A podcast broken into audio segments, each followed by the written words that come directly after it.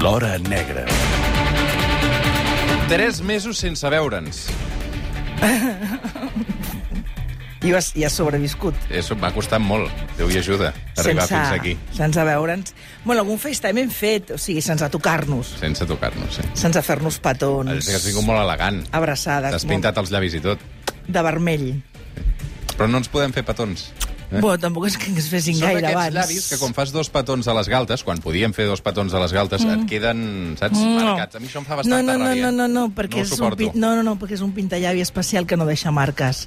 Però aleshores, tu quan fas dos petons, que és una cosa que ara no podem fer, uh Mhm. -huh. um, apartes el llavi precisament perquè no se't despinti o, o, o al contrari, t'agrada que la persona que rep els dos petons quedi allò tot el llavi marcat a la galta? Jo sóc, bàsicament som més de menjar la boca que donar petons. Carai. Per tant, mm, tampoc ara... Direct. I en aquestes circumstàncies no hi penso gaire. No hi penses gaire. Però vaja, ja et dic que no deixa marca. Mm. Sobretot no deixa marca la camisa per si tens algun dubte quan arribis a casa i algú t'espera. Què tal el Simon? Bé. Hòstia, això mola molt. O sigui, Maica Navarro 5 a 3, 3 a 0 anem, no? Ara mateix. 3 a 0 per què? Bueno, vaja. El Simón bé, el Simón bé i El Simon és el pateixo- gos de Maica Navarro. El Simón bé i pateixo perquè... Mm, ostres, uh, clar, això de l'idili del confinament s'està acabant i la, aquí la senyora ha de sortir cada cop més de casa. Mira, això en parlàvem amb un veterinari la setmana passada, que molts, eh, moltes mascotes, molts gossos, molts gats, Ah. han compartit moltes, moltes hores amb els seus amos i ara es troben doncs, que han tornat a aquella realitat antiga de I passar no moltes hores... Res. Clar, el meu, a més a més, va arribar a les a tres setmanes després del confinament, per tant, tota la seva... mm, aquests tres mesos els ha passat al meu costat. Però vaja, estic... Lluit, mm, me l'emporto molt, eh, a, amb mi, com més Rodes de petit, premsa, no? Doncs, és clar, el Rodes de és que, reconeixement dels Mossos. mm, eh, escenaris de crims... Doncs et diré una cosa, ha vingut amb mi en més d'un dia, més d'un lloc, eh? ja t'ho dic. I l'altre dia, el- clar, la redacció de La Vanguardia anem a poc a poc, clar, em sap greu portar-m'ho si est- si s'estan fent moltes mesures de seguretat. De fet, avui m'ho volia portar. La setmana que ve el porto. Aquí? Sí. Ui, haurem de demanar permisos, eh? Aquí no... Però per què s'ha de demanar bueno, permís? perquè no ho sé, tu, però escolta... És molt petit, si no, si no, no, no, no trepitja el terra. No és com un Rex Policia diferente, No. eh, que és aquell pastor alemany, No, saps? és molt petit. És una cosa més... És molt de maica, és petit. Bueno. És molt, és molt petitet. Molt bé. I es porta molt bé. Però bueno, es- està... Ell ja nota que passen coses rares i, fa, i comença a fer una cosa que no havia fet mai a la vida, que és cagar-se enmig del menjador, pixar-se al sofà... Molt malament. Uh, ja, però... I, I com li dic molt malament? Jo ja li Ah, dic no? molt malament, però em mira No amb cara cas. de... No fa cas. Mm, fin... T'ha donat escalfor, aquest, aquest confinament, el gos. El gos m'ha donat una companyia i una alegria absolutament indescriptible. O sigui, jo en la meva vida hagués imaginat que un gos em podria fer tan feliç. T'ho dic tal qual. Tina, en fi, eh, m'ho he passat molt bé. I a part, m'ha disciplinat molt, que jo sóc la dona més indisciplinada del món. En dono I fe. em costa molt tenir rutines i ser disciplinada, i el gos em, em dona la disciplina d'aixecar-me uh, doncs per, anar, per que surti al carrer a fer-lo pixar i cagar. O sigui, només això. I fer-ho, a més a més, sense cap mandra, ni no em fa mandra aixecar-me per, per treure al carrer. Però és, és brutal, les sensacions. I tot allò que, que se't desperta, no, no sé, és que no m'ho hagués imaginat mai, de veritat, ho dic amb tota la sinceritat. Quan veia la gent amb gossos i amb aquestes relacions tan especials, em quedava mirant una mica com amb cara de, de marciana. Doncs dono fe de que és així.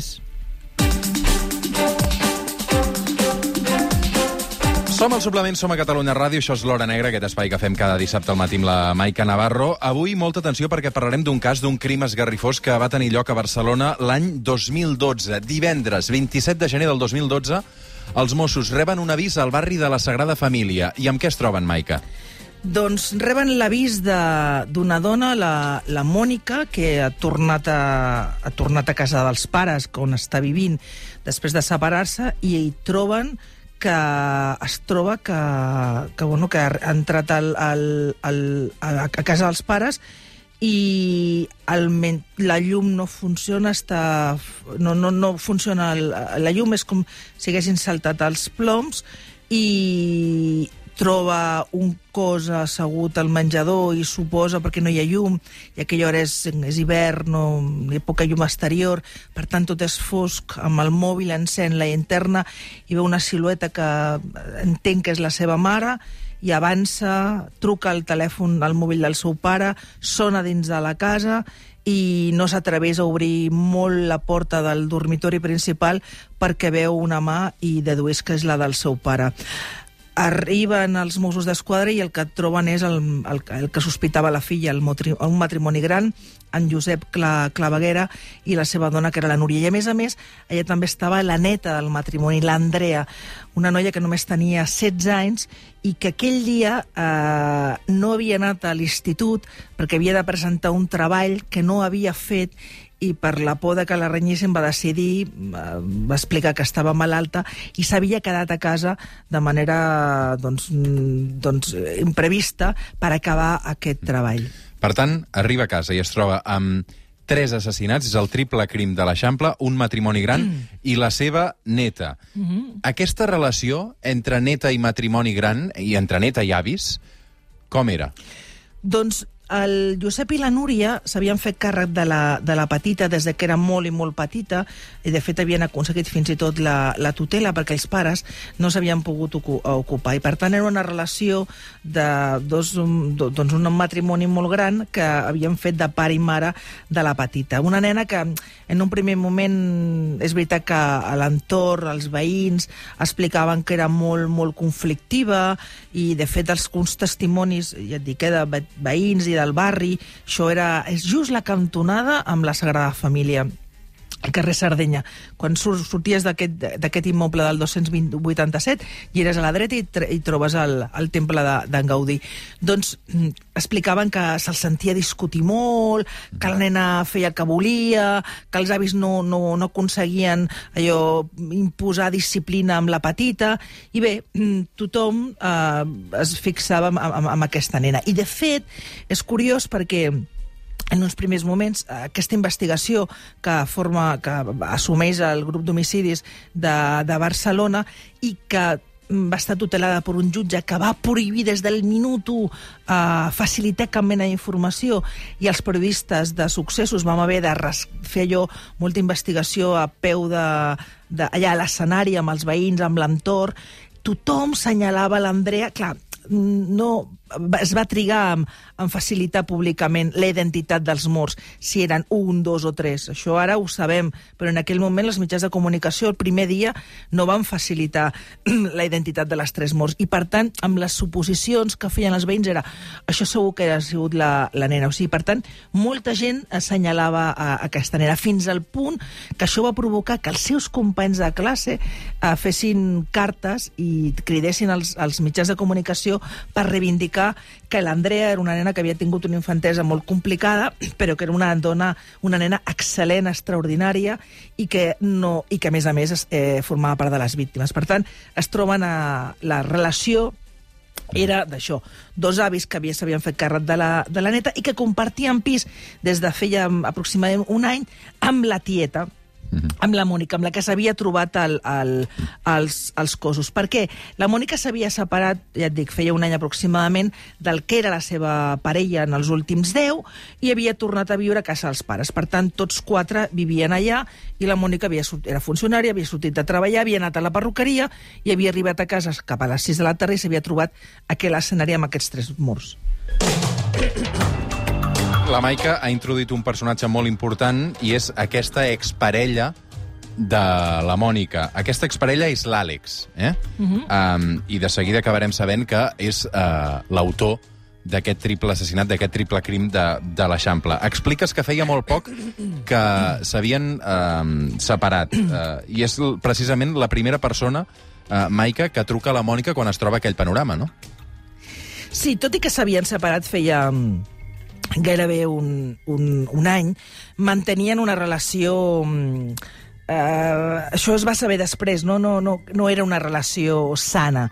De fet, la Mònica l'havia deixat perquè i fins i tot en algun moment havia arribat a, visitar un punt d'atenció a, les, a, les, a les dones de l'Ajuntament de Barcelona per denunciar que se sentia absolutament assetjada i controlada per, per la que era la seva parella. S'havien conegut perquè l'Àlex havia mm, publicat 10 anys enrere, havia publicat un anunci en, el, en la Vanguardia precisament dient que buscava gent per, per fer-se per conèixer gent. En aquells anys jo recordo que la Vanguardia en tenia aquests anuncis, el periòdic en tenia també corazonades i molta gent es va conèixer arran d'aquests aquests, aquests anuncis petits que a més a més eren gratuïts. Doncs bé, s'havien conegut i l'Àlex era un personatge molt excèntric que a més a més vestia com de cowboy, sempre portava unes botes de pell de serp, amb un barret, tenia una minusvalia física que era una mica, una mica coix, vivia al barri de Sant Gervasi i ja et dic, s'havien s'havien separat, però ell no havia volgut mai, en, després de la separació, trencar la, la vinculació. De fet, eh, l'assajava, més d'una vegada la Mònica havia tornat a treballar i se l'havia trobat al replà dormint i quan ella li havia preguntat però què fos aquí, el, què, què fots aquí a casa? El replà, no, és que m'he quedat a dormir aquí perquè així estic més, més a prop teu. Ella s'havia donat compte de que ell fins i tot l'havia controlat, no sabia com, però l'havia controlat al mòbil i una vegada que li va demanar veure'ns, tot això parlo abans del crim, l'havia exigit explicacions per una trucada que l'havia controlat de 20 minuts amb un tal Josep i la Mònica li va haver d'explicar que era una trucada amb el seu pare. Però tot això era un, era, dissenyava una figura inquietant. I, i fins a tot això, fins malgrat això, la Mònica, quan es troba tot aquell escenari dels seus... Bueno, el que ja intueix que són els seus pares, perquè només ha vist... Intueix que és la mare, el pare no l'ha vist, però el seu telèfon sona allà a l'interior i no sap res de la seva neboda, eh, que fa és trucar-lo amb ell i li diu, escolta, vine, vine, vine, els han matat a tots tres, vine, vine, vine, vine, i ell es presenta, és el primer que es presenta i entra, de fet, ell arriba, quan els Mossos arriben al, al, al domicili, es troben la Mònica, es troben a l'Àlex i es troben el gos de la família que està per tot l'escenari eh, corrent d'habitació a habitació, portant sant, embrutant-ho tot i demanen als Mossos a l'Àlex que, si plau agafin el gos i, i, i el retiri d'allà perquè està contaminant tota, tot l'escenari. Mm. Maica, uh, hi ha un moment en què es capgira també la investigació dels Mossos d'Esquadra uh, i és quan l'Àlex, al cap d'uns dies d'aquest triple crim, uh, decideix concedir una entrevista al diari El País. I aquí uh, l'Àlex el que fa és um, criticar precisament la seva exparella, la Mònica, no?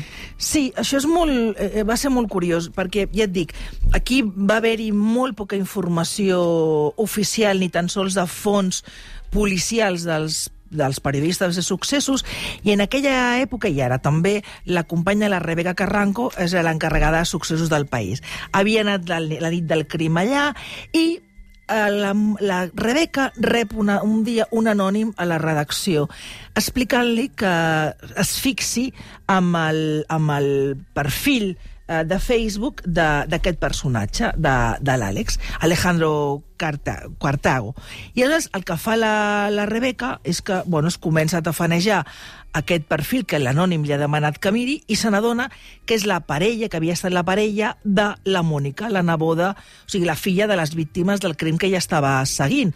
Ostres, eh, veu aquest perfil on parla, totes les seves últimes entrades són parlant de la Mònica, de la Mònica, i el que fa és, sense pensar... Sí, creient que no, el, que, no la, que no li contestarà, i li escriu un missatge pel Facebook demanant-li una entrevista a l'Àlex i fa el mateix amb la Mònica.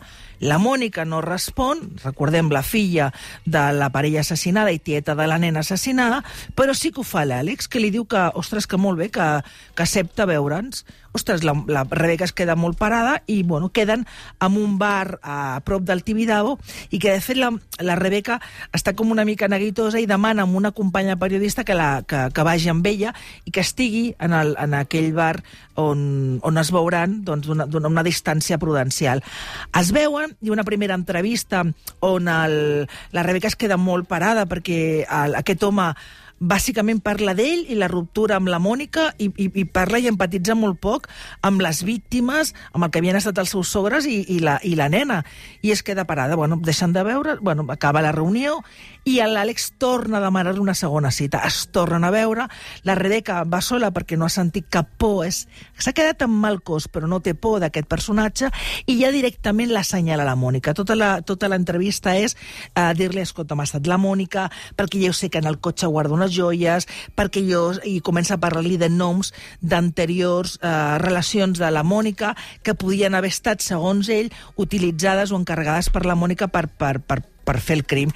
De fet, en aquesta segona entrevista, en aquest bar, a la Rega Carranco no se li passa per alt eh, que en el bar i a l'entrada del bar hi ha uns personatges que ella identifica sense cap mena de dubte com a policia de paisà que evidentment no l'estan seguint amb ella, sinó que l'estan seguint a l'Àlex. Per tant, l'Àlex el que fa és acusar la Mònica, la seva exparella, de l'assassinat dels seus pares i també de la seva enamora, però, com ara apuntes, els Mossos cada vegada tenen més clar que l'assassí realment és l'Àlex. Com es briguen i com aconsegueixen finalment eh, imputar i acusar de triple assassinat eh, a l'Àlex? Maica.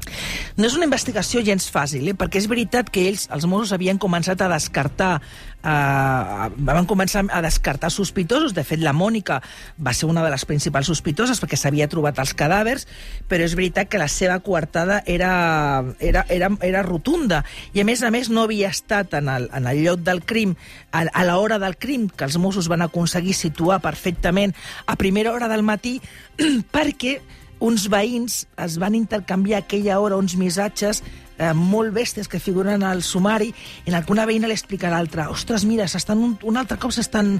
Se'ns crida a l'avi, ostres, però, però aquesta vegada no és la nena que crida com sempre perquè es baralla, no, no, però li estan donant cops al cap, però què està passant? Ostres, i fins i tot una veïna diu, algun dia passarà alguna cosa greu.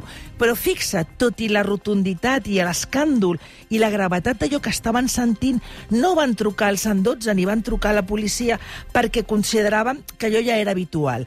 Doncs bé, la Mònica, en aquest moment, eh, que tenia, ja et dic, aquesta quartada, rep un, un WhatsApp al seu telèfon i el WhatsApp el que li ve a dir és, és algú que li diu Rubia, eh, al final, en lugar de dos han sido tres, Uh, escolta, per tant, el preu del negoci ha pujat, del business ha pujat. O sigui, com si Quedem... fos un sicari. Un sicari que li reclama els diners. Quedeu on tu ja saps i dona'ns la pasta. I la tia es queda tot estranyat, diu, i pensa que és una broma, però tot i que allò és com, ostres, a veure si al final... I va a Mossos i li diu als Mossos, escolta, mira, mira el que ha rebut.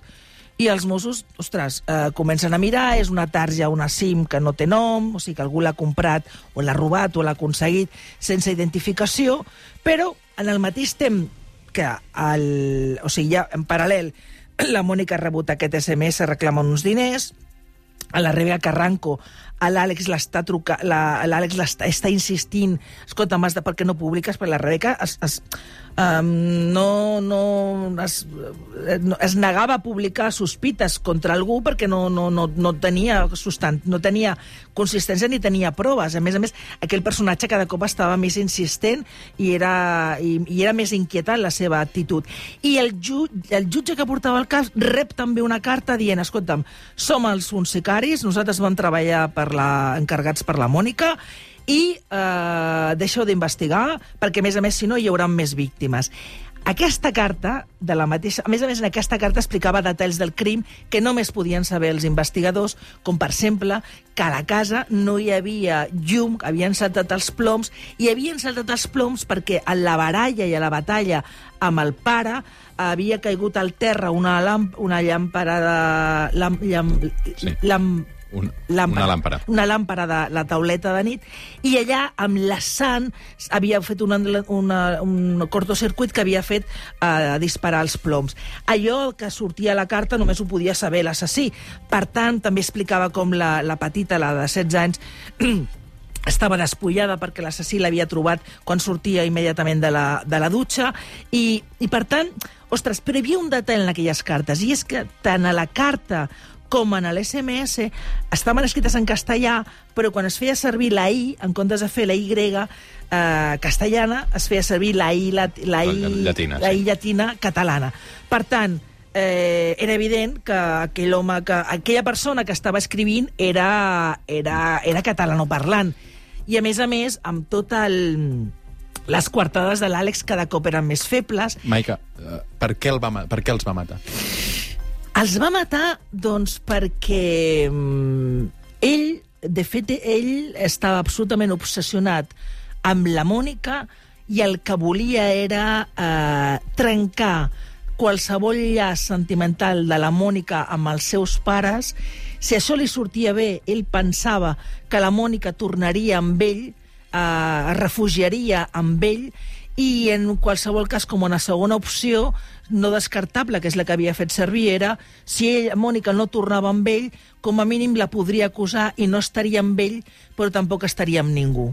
Així de bèstia. I la nena no, aquell dia, com et deia al començament... Va tenir la mala sort de ser a casa. No, aquell treball no l'havia presentat i, no, i estava a casa de casualitat. Va ser un crim terrible, va fer servir una violència extrema i, a més a més, amb, amb aquestes cartes i amb aquesta psicopatia de, de no tenir cap mena d'empatia cap, cap a ningú. Condemnat a 60 anys de presó i crec que l'Àlex va acabar morint eh, com a conseqüència d'un càncer fa uns anys, o sigui, al cap de poc d'ingressar a la presó, perquè si això va ser el 2012, va ser condemnat. Eh, de no? fet, la, el càncer el va fer servir com a coartada a la, a la, tant a la Rebeca com als Mossos a les seves declaracions quan intentava desprestigiar la, a la Mònica deia que després de 10 anys d'una relació que ell eh, dibuixava com perfecta, eh, la Mònica l'havia deixat quan m'havia per carta, quan havia sigut conscient de que ell tenia càncer i que m'intentava explicar, mira quina mena de persona que quan va saber que jo tenia un càncer em va deixar per carta. En fi. Però va ser, va ser complicadíssima aquesta investigació. Eh? De fet, si li, si li preguntes al, al, al Josep Porta, al, al subinspector responsable d'homicidis de Mossos, o algun dels Mossos que van treballar en aquest, en aquest crim i d'altres, t'explicaran que per molts hi ha uns quants que són molt importants. La, la Remedio Sánchez va ser molt complicada, l'Angi, l'assassina de l'Anna Maria Paez, però aquest especialment va ser complexa i dur d'investigar. Arri... I amb la participació de la Rebeca Carranco, que a més a més va, li va tocar declarar. Notícies de les 11, ens actualitzem amb la Neus Bonet i de seguida tornem amb tertúlia esportiva i un nou capítol del Comunista amb el Joel Díaz. Maica Navarro, m'ha encantat tornar-te a retrobar a l'estudi. Un petó. A distància. A distància. Notícies i tornem. Fins ara.